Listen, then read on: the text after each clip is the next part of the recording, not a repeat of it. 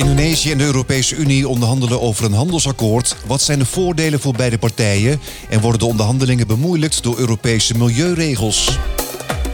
Welkom bij een nieuwe aflevering van de Indonesië-podcast. En te gast is de ambassadeur van de Europese Unie in Indonesië, Vincent Piquet. Ambassadeur Piquet, welkom.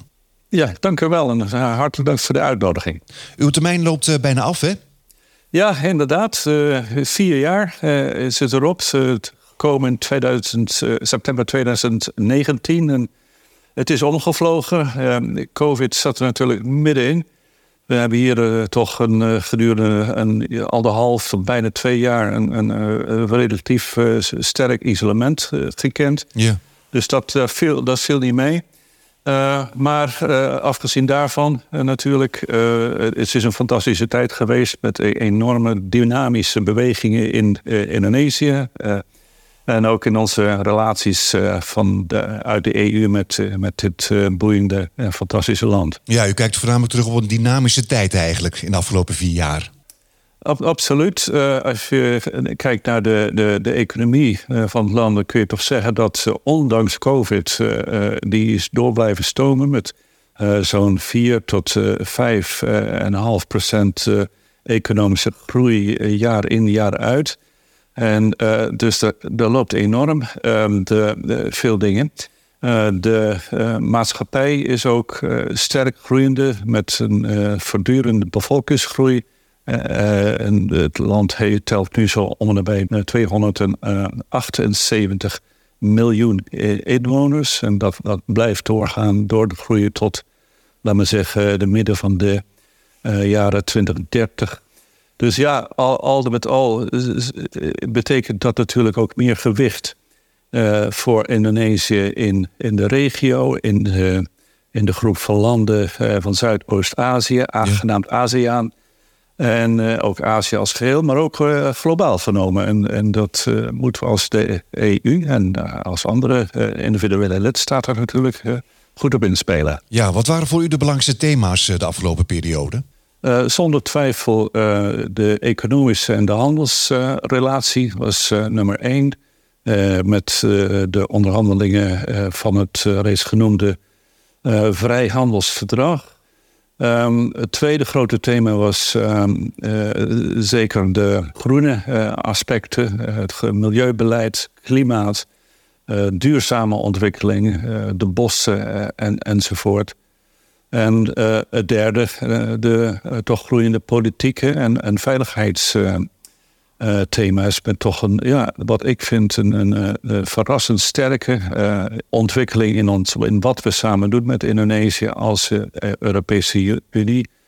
aanvullend op wat lidstaten doen. Ja, nou ja, we gaan zometeen al die punten uitgebreid bespreken. Maar hoe anders is uw werk als EU-ambassadeur, bijvoorbeeld in vergelijking met uw Nederlandse collega Lambert Grijns? Een heel goede vraag. Um, je kunt er op twee manieren op antwoorden. Ten eerste ik ben een ambassadeur zoals ambassadeur Lambert Grijns dat ook is. Onze taken zijn in, als je kijkt naar wat we doen, niet wezenlijk verschillend op de belangrijkste componenten. Je vertegenwoordigt de, de land, het land of de regio waar je voor staat. Een belangrijk verschil tussen de lidstaten en, en de EU is dat de EU, diplomatieke missie, geen consulaire zaken uh, behartigt. Mhm. Dat doen de lidstaten zelf. Dus de lidstaten zullen uh, de landgenoten die in, in problemen zijn geraakt uh, ondersteunen. En, en daarvoor hebben wij geen, geen mandaat. Maar het, de hoofdzaak is dat mijn baan bestaat uit het vertegenwoordigen van de Europese Unie. De, de, Europese Unie heeft, is een rechtspersoonlijk op zichzelf. En moet als ook door zichzelf buiten Europa en buiten de EU worden vertegenwoordigd. Uh, we hebben grote belangen als EU in alle landen ter wereld waar we zijn ver, vertegenwoordigd. 145 diplomatieke vertegenwoordigingen inmiddels. En wij behartigen dus de EU als geheel terwijl lidstaten de specifieke lidstaatbelangen in uh, het gastland bevorderen. En dat, is, dat zijn natuurlijk bij Nederland heel, heel belangrijke aspecten. Ja, we zeiden het al. Indonesië en de Europese Unie onderhandelen over een vrijhandelsakkoord. Die onderhandelingen zijn in 2016 officieel gestart. Um, waarom duurt het zo lang om zo'n akkoord te sluiten? Nou ja, in 2016 zijn we inderdaad begonnen. Klinkt als, een, als dat het al heel lang geleden is. Maar uh, voor dit type complexe en zeer omvangrijke verdragen uh, heb je gewoon wat tijd nodig. Omdat het niet alleen gaat om het, uh, het verminderen van een, van een importtarief of een accijns. dat, dat zou heel gemakkelijk zijn. Maar het gaat om het, het daadwerkelijk openen van de markt in alle opzichten ehm, voor goederen die aan beide kanten worden geëxporteerd maar ook voor dienstverlening. En, en dat is met name eh, vaak meer veel complexer omdat je dan heel vaak ook direct met de landen moet spreken over hun wetgeving op dit of dat terrein. Ja. De reglementering voor wie wat mag doen en op, op welke wijze, welke licenties nodig zijn enzovoort. Het laatste belangrijk ding van, om te zeggen is zeker ook dat de EU-handelsverdragen met, uh, met derde landen ook bepaalde algemene regels omvatten. dus dat gaat veel verder dan de tarieven, specifieke toegang tot de markt. Regels wat betreft hoe je omgaat met concurrentie op de markt, hoe je omgaat met staatsbedrijven, hoe je omgaat met openbare aanbestedingen. Uh, enzovoort. Uh, waar wij als EU ook een, een toegang tot, tot wensen, tot op zekere hoogte. Dus het is, het is een, een heel complexe en omvangrijke affaire. En dat verklaart waarom het ook een beetje langer duurt dan de meeste handelsverdragen die landen met, met elkaar sluiten. Ja, er moet veel besproken worden, veel geregeld worden. Maar als zo'n handelsakkoord er is, wat is dan het voordeel voor beide partijen? Dat we naar een, een handelsregime gaan dat helemaal zal worden, of grotendeels zal worden geliberaliseerd. Dat wil zeggen dat Europese producten vrijelijk naar Indonesië kunnen worden geëxporteerd en vice versa hetzelfde. Dat we ook bedrijven uit de EU-lidstaten zich veel gemakkelijker kunnen gaan vestigen in, in Indonesië. En ook um, op gelijke basis als Indonesische bedrijven, binnenlandse bedrijven, hier de markt kunnen be bewerken. En um, dus de, we hebben dat berekend allemaal, wat het allemaal gaat opleveren. En, en die berekeningen zijn heel, heel positief. Extra economische groei aan beide kanten voor de EU, maar met name uh, voor Indonesië. En dat, uh, dat, is, dat is goed dat de Indonesië er meer van uh, profijt van hem. Want uiteindelijk is dit land nog een, in ontwikkeling. Het is nog geen economie van een hoogontwikkelde economie zoals wij die in Europa kennen. Dus wij willen graag bevorderen dat Indonesië die ontwikkeling doormaakt. En ja. dat het ook op uh, tijd Ehm, een, een hoogontwikkelde economie is zoals, zoals wij. En u, u, zegt ook dat het makkelijker wordt voor bedrijven om zich in Europa eh, te vestigen. Voor Indonesische bedrijven, maar ook voor Europese bedrijven om zich in Indonesië te vestigen. Dat kan nu soms af en toe nog best ingewikkeld zijn. Hoe, hoe, hoeveel makkelijker wordt dat? Nou ja, het, betekent, het zal gaan betekenen dat je gewoon vrijelijk kunt optreden hier en met dezelfde regelgeving te maken zult hebben als Europees bedrijf als de Indonesische bedrijven. Dus eh, in die zin is er een volkomen uh, gelijkstelling wat betreft de, de, concurrentie en, op, de, op de markt en de mogelijkheden om hier te, te investeren. Wat betekent, gaat dat betekenen voor concreet? Is dat ik verwacht dat er toch heel wat Europese bedrijven hier nieuwe investeringen zullen doen. Bedrijven die hier al zijn, maar ook nieuwe bedrijven vanuit Europa. En dat dit ook een positieve groei van voor de, voor de arbeidsmarkt zal betekenen van Indonesië. En dat Europese bedrijven, dankzij het feit dat Indonesië toch een rijkelijke arbeidsmarkt heeft, waar de loonkosten nog redelijk gering zijn in vergelijking tot andere landen, mm. dat ook de Europese bedrijven beter kunnen, meer kunnen concurreren op de internationale markt. Ze kunnen er eigenlijk gebruik van maken dat de lonen nog wat lager liggen daar. Correct. De verwachting is dat er dit jaar een akkoord komt. Gaat dat, gaat dat lukken nog? Nou ja, het, het doel is om dat akkoord te hebben op voor het, uh, dat de regering van uh, de president en de regering van Indonesië aan het eind van hun mandaat uh, komen. En dat is 1 oktober in 2024. Dus dat is onze doelstelling. En in feite is de doelstelling voor de EU hetzelfde, want ook in, aan de EU-kant krijgen we Europese verkiezingen, krijgen we een, een nieuwe voorzitter van de Europese Commissie en, um, en ook voor het, uh, het, parlement. Dus voor ons is die, uh, het tijdpad identiek als dat aan, aan, de, aan, de, Indonesische kant. Dus, en we beseffen gewoon heel goed dat bij een regeringswisseling enig tijdsverlies zou zijn.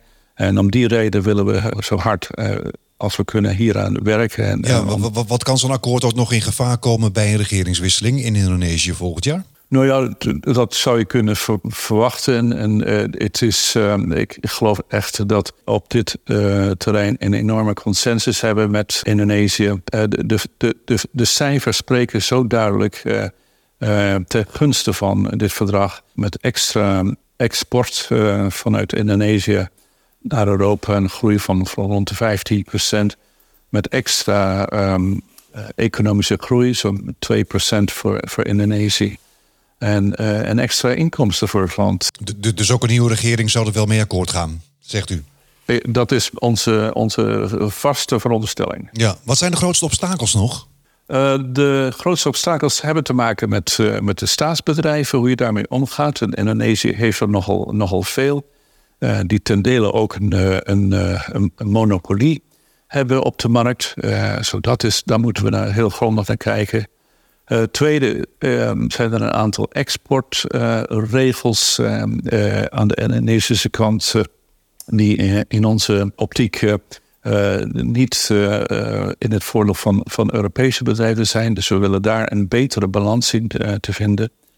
En een derde aspect is de openbare aanbesteding, dus de, de, de contracten die de, de regering op nationaal niveau en te delen ook op regionaal niveau uitschrijft met bedrijven. Daar willen we ook een, uh, iets van een begin van een uh, positie uh, voor uh, hebben voor de Europese bedrijven om daarin mee te dingen. Ja, nu zijn de afgelopen jaren wel veel fricties uh, geweest. Hè? Zowel de Europese Unie als Indonesië ja. hebben over en weer klachten ingediend bij de Wereldhandelsorganisatie, de WTO, bijvoorbeeld over palmolie. Want ja, in het kader van de Green Deal komt er in Europa een verbod op producten die bijdragen aan ontbossing. Vanaf volgend jaar moet worden aangetoond dat producten die de EU binnenkomen niet zijn geplant in gebieden die na 2020 zijn ontbost. Ja, maken de Europese milieuregels een deal, een handelsakkoord eigenlijk niet onmogelijk? Uh, nee, uh, het is een contextfactor die, waar we zeker uh, mee moeten rekening houden. En het, eh, er is natuurlijk een heel politiek debat hierover, maar de onderhandelingen als zodanig, die, die staan er voor het vrijhandelsverdrag, die staan er los van. Wat wij wel moeten zorgen met, met onze Indonesische partner is dat dat de, uh, de, de regels, de nieuwe regels die de EU heeft aanvaard uh, in onze nieuwe wetgeving, uh, dat die correct en evenwichtig worden uitgevoerd in Indonesië, maar ook in andere landen in de wereld. dat we ervoor zorgen dat niet alleen de grote bedrijven in de palmoliesector of of of in het hout of, of, of rubber daar makkelijk mee kunnen omgaan, maar dat ook de kleinere boeren hun weg zullen kunnen vinden in die regelgeving. En daarvoor zullen we zeker um, uh, wat, wat verdere opleiding en, en, investering moeten doen. Ja, voor de kleine palmolieboeren is het die al duurzaam werken, is het natuurlijk heel erg ingewikkeld om aan te tonen dat hun uh, productie uh, niet het gevolg is van ontbossing. Dus juist die kleine boeren maken zich ook erg zorgen dat hun producten misschien zometeen Europa niet meer binnenkomen. Uh, ik begrijp het geheel, maar ik denk dat we toch um, dankzij goede dialoog dat kunnen oplossen. Uh, dat we ten eerste ervoor zullen zorgen dat de regels en, en de methoden die wij wensen voor het, het aantonen van dat er geen, niet is ontbost, dat die kunnen worden uitgevoerd ook door de kleinste boeren. Um, en dat het heel eenvoudig en, en, en, en simpel wordt gehouden. Ten tweede uh, moeten we ervoor zorgen, en dat is meer ook een taak voor de Indonesische kant, uh, dat er een systeem van um, due diligence, zoals dat heet, um, wordt opgezet, waarin wordt aangetoond hoe palmolie van, van een, een bepaalde boer in een bepaalde regio door de verdere productieketen geleid wordt en, naar de palmoliefabriek. En vervolgens natuurlijk ook naar de Europese klanten. Dus dat is een, een, systeem dat we moeten opzetten te delen. En, en ten tweede misschien een beetje aanpassen. Maar het is uh, doenlijk. Uh, heel goed uh, is dat we begin van deze maand, op de, op de 4 augustus, een eerste vergadering van een, van een taskforce hebben gehad om daarover te spreken. En in die taskforce hebben, zaten natuurlijk de, de vertegenwoordigers van de Europese Commissie, maar ook uh, vertegenwoordigers van Indonesië als ook uh, Maleisië, overigens, die, waar de belangen hetzelfde zijn. Dus we hebben met de regering, met uh, de vertegenwoordigers van, van, de, van de sector, van de bedrijven. En ook de vertegenwoordigers van de, van de kleine boeren en van de NGO's, organisaties uh, die uh, zich bezighouden met het, met het milieu. Ja, het kan, niet alleen maar gevolgen hebben voor palmolie, maar ook bijvoorbeeld voor koffie en soja. U zei het al, Indonesië en Maleisië trekken inmiddels samen, samen op tegen de Europese Unie op dit punt. Ze noemen eigenlijk de, de, de, de regels ook discriminerend. Is, is het eigenlijk ook eerlijk om een land als Indonesië, dat nog in ontwikkeling is, dergelijke strenge duurzaamheidsregels op te leggen? Uh, zeker, en er is absoluut geen sprake van discriminatie, want de regels die wij als EU hebben, die gelden voor derde landen, maar ook voor uh, bedrijven binnen Europa. Zo is één en dezelfde uh, benadering en dus geen discriminatie. Is het doenlijk voor ontwikkelingslanden of nog ontwikkelende landen uh, als Indonesië om dit te doen? Jazeker, uh, we zijn ervan overtuigd. We hebben toch grondig naar de sectoren gekeken. In palmolie en in, in het hout uh, en, en de, de meubels hebben we al heel goede systemen kunnen ontwikkelen over de afgelopen jaren. En het is meer een kwestie van enige aanpassingen en met name kijken naar hoe we de kleine boeren erin zullen krijgen.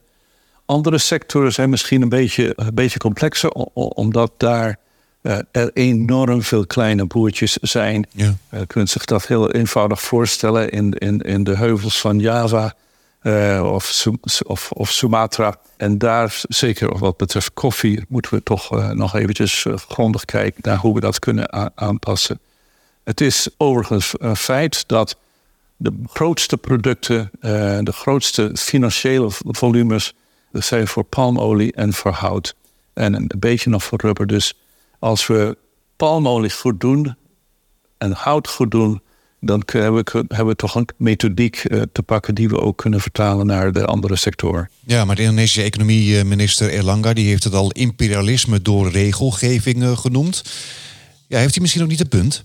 Uh, ik geloof het niet, uh, omdat uh, uiteindelijk natuurlijk Indonesië zelf ook een, een doelstelling heeft van het, het stoppen van het ontbossen. Dat is een officieel doel van de regering. Ehm, en het land heeft heel goede vorderingen gemaakt om dat doel te realiseren. Dus de doel van stelling van, van onze regelgeving, van onze wet tegen ontbossing, is geheel in lijn met wat de Indonesiërs zelf willen. Dus ik denk dat er absoluut geen imperialistische uh, benadering uh, hier, van, hier van sprake is. Oké, maar hij zegt ook van ja, we zijn aan het praten over een handelsakkoord, maar ondertussen bouwt de Europese Unie nieuwe muren.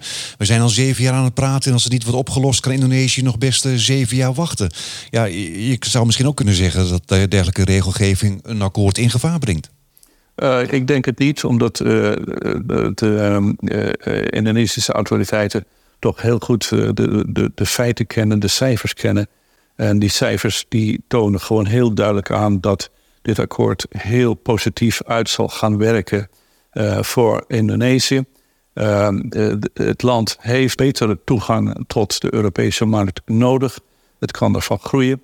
Uh, het is een heel concurrerende, competitieve markt natuurlijk Europa. En het feit is gewoon, als je kijkt naar, naar Zuidoost-Azië, uh, dat de producten van, Indonesië aan concurrentiekracht uh, ontbreken als je ze vergelijkt met Vietnamese producten. Dat, um, en dat is enkel en alleen dankzij het feit dat Vietnam al een vrijhandelsverdrag met de EU heeft afgesloten. En dat maakt toch een, een fix verschil uh, van, van, van 10 tot 15 procent op de, de importbelastingen die Vietnamezen niet hoeven te betalen, terwijl voor Indonesië dat nog het geval is. Maar straks dan inderdaad ook niet meer. Ja, inderdaad. Dus de, daar, dat is onze doelstelling om dat te verminderen. En uh, die, die, die tarieven af te bouwen. De EU gelooft aan, aan, aan vrije handel, zoveel als we kunnen. De handelsrelatie met Indonesië is heel interessant, want het is een heel complementaire relatie waar Indonesië en de EU elkaar prachtig aanvullen. Dus Indonesië exporteert veel dingen die wij niet hebben, terwijl zij van de EU kopen wat zij zelf niet hebben. Dus er is geen um, probleem zoals je soms bij handelsverdragen hebt. Dat er ja, dezelfde producten hebben en dat er maar plaats is voor één uh, op de markt. je, dus, je zit ehm, elkaar niet in de weg, zeg maar. Precies. Ja. In Europa wordt bijna alle palmolie als milieu-onvriendelijk aangemerkt. Hè? Er zijn ook bedrijven die adverteren ermee als hun product zonder palmolie is gemaakt. Ja, Indonesië en Maleisië zijn samen verantwoordelijk voor 85% van die palmolie-industrie. Is eigenlijk het label niet duurzaam in Europa terecht? Uh, dat is zeker terecht. Uh, uh, als voor wat sommige producten en sommige producenten gaat. Maar je, het is ook een, een, hard feit dat veel Indonesische producenten alle maatstaven uitvoeren voor wat betreft duurzaamheid. Ze zijn lid van de grote internationale certificatiesystemen. En ze worden getoetst, ze worden er zijn audits en inspecties. Dus uh, het is, je zeker zou onterecht zijn om te zeggen dat per definitie palmolie niet duurzaam is. Ja. En hier is, is het, het, belangrijke het voordeel, ook voor Indonesië, ook voor Maleisië, van onze nieuwe uh, wetgeving over uh, tegen ontbossing, dat onze wetgeving maakt het objectief. Dus alles wordt, dat wordt ingevoerd. Um, met, en dat heeft geleid tot ontbossing na die, uh, uh, dat criterium, dat toetsingsjaar van 2020, uh, december ja. 2000, 2020. Alles dat niet heeft geleid tot ontbossing, kan vrijelijk de Europese markt worden ingevoerd. We hebben nu een, toch een, een situatie waar we geen systematische standaard uh, of, of, criterium in onze uh, markt hebben. Mm. En vanaf, uh, vanaf volgend jaar zullen we dat wel hebben. En dat is een groot voordeel voor Indonesië, zowel als Maleisië. Maar goed, dergelijke wetgeving kan bijvoorbeeld ook van invloed zijn op bijvoorbeeld nikkel, de belangrijke grondstof voor de productie van elektrische auto's. Europa heeft die grondstof ook hard nodig. Schiet Europa zich dan ook niet een beetje in eigen voet? Uh, nikkel is een heel ander hoofdstuk. Het gaat uh, daarbij niet om ontbossing, maar weer over de... Over de mijnbouw? Over de mijnbouw, waar uh, het... het nee, onze, onze ontbossingswetgeving die betreft enkel de natuurlijke producten zoals palmolie, hout en rubber enzovoort. En het gaat niet over, over metalen en mineralen. Maar goed, daar worden soms ook vraagtekens bij gezet, hè, wel helemaal milieuvriendelijk gaat, die mijnbouw daar. Zeker, zeker. Maar dat, maar dat telt niet? Nee, dat is een ander, dat is een ander, ander terrein. En uh, dat, uiteindelijk ga je dan meer kijken naar de, de milieuvriendelijkheid van, van, van um, industriële producten. En dat is een heel ander, ander vak, laat maar zeggen, dan de, dan, dan de landbouw. Want dat wordt niet meegenomen in dit akkoord? Um, jawel, zeker. Maar dat is, dat is dus de, de meer de algemene principes, gaat om de algemene principes van onze, onze handelsrelaties. En die handelsprincipes uh, zullen uh, zeggen uh, dat wij nastreven de duurzaamheid van, van de relaties. Dat we nastreven de duurzame ontwikkeling van zowel de EU, maar ook Indonesië. En in, in dat kader zullen we zeker um, afremmen wat vuil en, en milieu onvriendelijk en niet te duurzaam is en bevorderen wat uh, alles dat, dat duurzaam kan zijn. Nou, Indonesië heeft drie jaar geleden een verbod ingesteld hè, op de export van ruwe nikkel. Mogelijk gaat het ook gelden voor andere grondstoffen. Want ja, dat ruwe materiaal wil Indonesië eerst in eigen land uh, gaan uh, verwerken, zodat het ook werkgelegenheid oplevert. En ook nodig om een ontwikkeld land te worden. De EU heeft daarover een klacht ingediend bij de WTO. Nou, die oordeelde ook dat het verbod in strijd is met de wereldwijde regels van handel. Maar Indonesië heeft nu weer ook beroep aangetekend en lijkt daarop ook gewoon voet bij stuk te houden. Dat is een, een goede rest. Uh, wij um, hadden gehoopt dat we een, eh, een, uh, ja, een, een, een, een, meer een, een procedure van onderhandeling hadden kunnen hebben om dit op te lossen, dit probleem. Uh, maar goed, uh, gestellen bestaan uh, in, in handelsrelaties en we volgen gewoon de, de, de, de regels van de wereldhandelsorganisaties om, dat, om die geschillen op te lossen. Mm. Um, Waarom zijn we daar zo eh, tegen gekant, tegen die, dat zo'n handelsverbod? Omdat het een onrechtvaardige opdeling van de markt, van de wereldmarkt, voor, voor, zou, zou betekenen. Als je zo, zo te werk zou gaan, is natuurlijk, ehm, nou, wat is, waar is het einde zoek? wij begrijpen volkomen dat de regering van Indonesië hun eigen economie willen ontwikkelen, dat ze banen willen creëren, dat ze toegevoegde waarde van de, in de industrie willen verhogen. Dat is allemaal, allemaal zeer prijzenswaardig en we zijn daar zeker een voorstander van. Ehm, maar wij zeggen ook, een verbod op nikkel is een verbod op, een, op de export van, van nikkel is een verbod op uh, dat in, een impact heeft voor onze eigen bedrijf, voor onze eigen staalindustrie. Mm -hmm. De, de, de marges in de staalindustrie zijn, zijn enorm, enorm klein. Dus een, een, een nikkel-exportverbod van Indonesië heeft een directe invloed uh, op, uh, op de banen in Europa. En, en daar moeten we natuurlijk ook uh, aan, denken. Ja, het ligt allemaal dus nog bij de WTO. Maar Indonesië wil ook een belangrijke rol gaan spelen in de productie van elektrische auto's. Nou, door het exportverbod op ruwe nikkel zijn autofabrikanten ook naar Indonesië gaan kijken.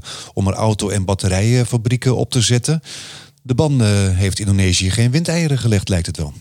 Uh, tot, tot dusver niet. En, en, uh, en het zou ook eh, geweldig zijn als Europese bedrijven ook hun eigen plek hier vinden. En ik, ik heb al één of twee voorbeelden daarvan gezien. Dat dat is aan het, zich, zich gaat ontwikkelen. Dus dat is een positieve trend. Maar het moet wel binnen een, een, een, kader zijn dat, dat evenwichtig is. En dat in, in lijn is met, met de Wereldhandelsorganisatie regels.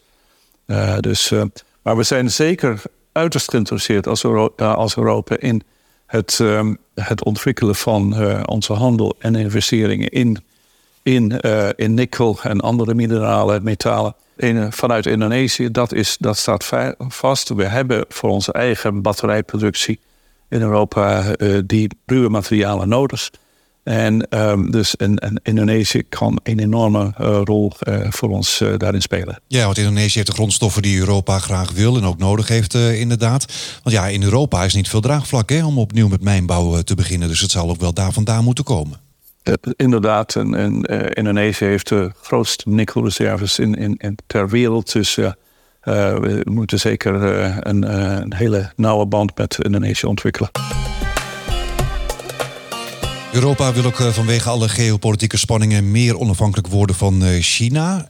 Wordt daarmee Indonesië automatisch belangrijker? Nou ja, uh, Indonesië is een, is een middelgrote markt. En hier in een regio Zuidoost-Azië, die toch een van de meest dynamische is, economisch gezien in de wereld. zeker is voor ons strategisch van belang om onze handels- en economische en ook andere politieke relaties te ontwikkelen. En dat, doen we dus ook. Uh, zoals gezegd, met Indonesië hebben we de vrijhandelsonderhandelingen.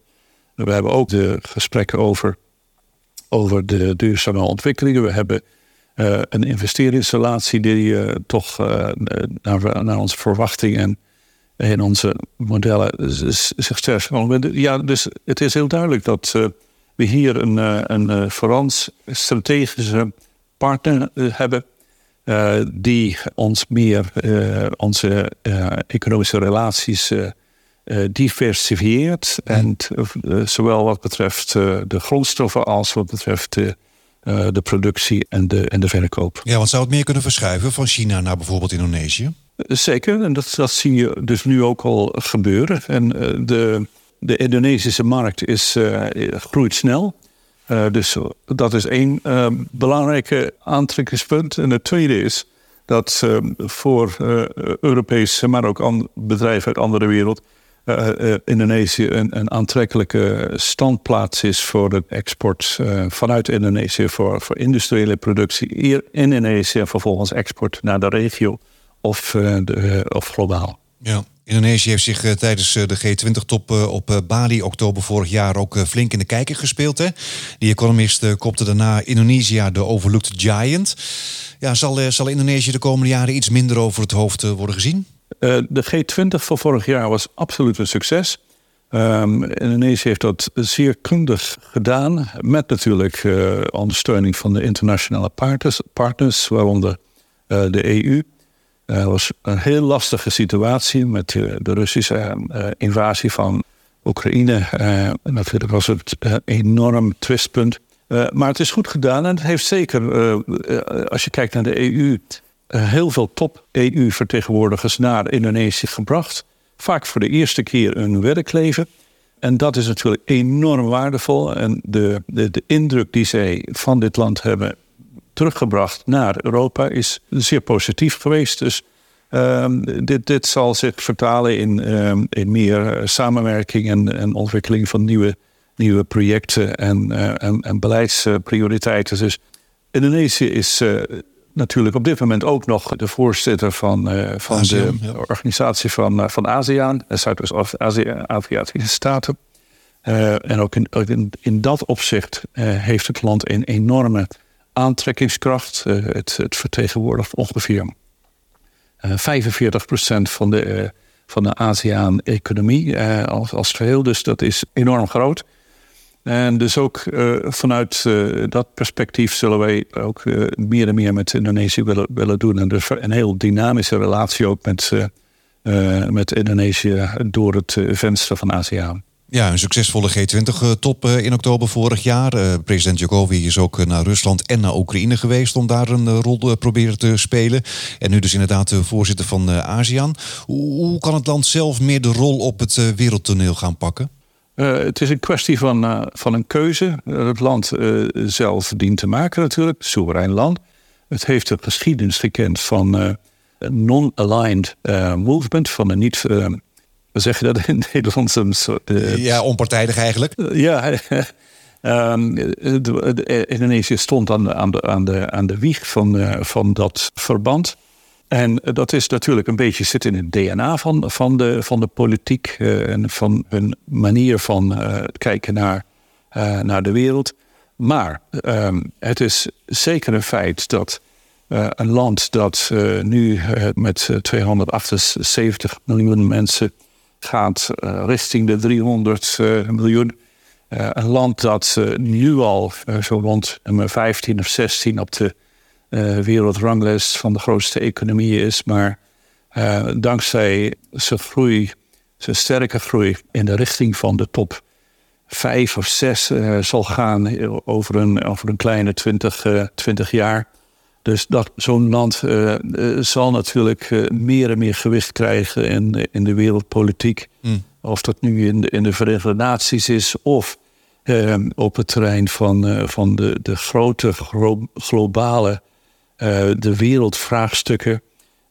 wat betreft veiligheid, wat betreft defensie. maar ook wat betreft klimaat en duurzame ontwikkeling. Dus dat, die rol die zal uh, geleidelijk groeien. En ik, ik verwacht daar. Het is niet een kwestie van, van de ene op de andere dag. Uh, maar het is een geleidelijke ontwikkeling van een, een nieuwe identiteit. Uh, voor Indonesië op vlak van de wereldpolitiek. Ja. En dat is, dat is, daar kunnen wij natuurlijk bij als EU ons heel goed bij mee meten of mee passen. Want uiteindelijk uh, zoekt de EU ook uh, haar weg uh, tussen de, ehm, de twee grote wereldmachten, de Verenigde Staten en, en, en China. we hebben diepe relaties met, met beide van deze wereldmachten op, op verschillende, onder, verschillende wijzen natuurlijk. en dat willen de, zal de EU ook wel blijven willen handhaven. Maar uh, tegelijkertijd is het belangrijk voor ons om uh, ook, ook verder te kijken en om te zien hoe uh, de specifieke risico's die wij hier en daar ehm, moeten onderkennen, wat betreft met name China dan, ook hoe we die kunnen verminderen door het aankomen van sterkere banden met, met een land als Indonesië. En ja. Als je kijkt naar normen en waarden, nou, natuurlijk moet je altijd zeggen dat normen en waarden zijn de dingen die landen bij elkaar brengen of die landen uh, van elkaar afhouden. Als je kijkt naar dat vlak, dan moet je ten eerste zeggen natuurlijk dat uh, Indonesië en de EU anders zijn, dat we een andere identiteit hebben en de, en de mate van ontwikkeling van ons rechtsbestel, van de democratie enzovoort, die is natuurlijk in, in Europa veel verder gegaan tot dusverre. Mm. Maar uh, de grondslag uh, van dit alles is, is uh, heel vergelijkbaar met ja. wat we in Indonesië zien. Um, het is om die reden dat we ook met Indonesië een, een politiek verdrag hebben kunnen afsluiten al in 20, 2014. Ja. het eerste Zuidoost-Aziatische land waarmee we dat hebben gedaan. En het is ook op die grond, op die grondslag, dat we nu met onze vrijhandelsonderhandelingen in de, in de slag zijn. En dus ik ben daar uh, optimistisch over. En, en uh, Indonesië wordt natuurlijk ook heel erg belangrijk, omdat het misschien inderdaad, zoals u zegt, tot de top 5 of 6 eh, van belangrijkste grootste economieën gaat behoren. Denkt u dat het echt gaat gebeuren? Zeker. Het is een, gewoon een wiskundig feit dat als je elk jaar 5 tot 6 procent groeit, terwijl als, als emerging economy, als ontwikkelingsland, uh, terwijl de rijke uh, economieën, de hoogontwikkelde economieën, die groeien maar met, uh, met 1 of 2, misschien 3 procent. dat je dan gaandeweg toch de ladder van, van de, de grootste economie op, op, op klimt. En, en dat zien we gebeuren. De, de, de bevolkingsgroei is, is, is fix, zo'n 2% per jaar. in Indonesië, dat is ook een enorme stimulans voor economische activiteit natuurlijk. En ten tweede is het land toch meer en meer ook een vestigingsplaats voor, voor buitenlandse investeerders die hier willen produceren uh, voor de, uh, de binnenlandse markt van, van Indonesië, maar ook voor, uh, voor de regio en, en, en, en verder. dus ik denk dat dat zeker zal gebeuren. dat, is het vijf of zes of zeven. Dat maakt niet zo heel veel uit. Het wordt groter in ieder geval. Uh, het wordt eh, aanmerkelijk en merkelijk groter. En dat is uh, ja, iets waar wij uh, natuurlijk met onze vrijhandel, met Indonesië ook van kunnen profiteren. Ja. Gaat u het missen, het land? Jazeker. Ja, het is, het is een boeiend land. Het is cultureel zo fascinerend met alle religies en de religieuze tradities. Eh, die hier zo samen kunnen leven. Ehm, eh, de natuur is schitterend. Uh, de eilanden, de zee, de koralen, alles. Dus plus, ja, um, houd je van de tropische warmte of niet? ik doe, ik, ik houd ervan. Ja, ik dus ik, zal dat, ik zal dat zeker missen. ja, u zal er zeker nog wel een keer weer terugkomen, denk ik. Ja. Oh ja, zeker, zeker. Ja, als toerist. Dank EU-ambassadeur Vincent Piquet. Heel graag gedaan. Tot zover de Indonesië-podcast. Tot de volgende.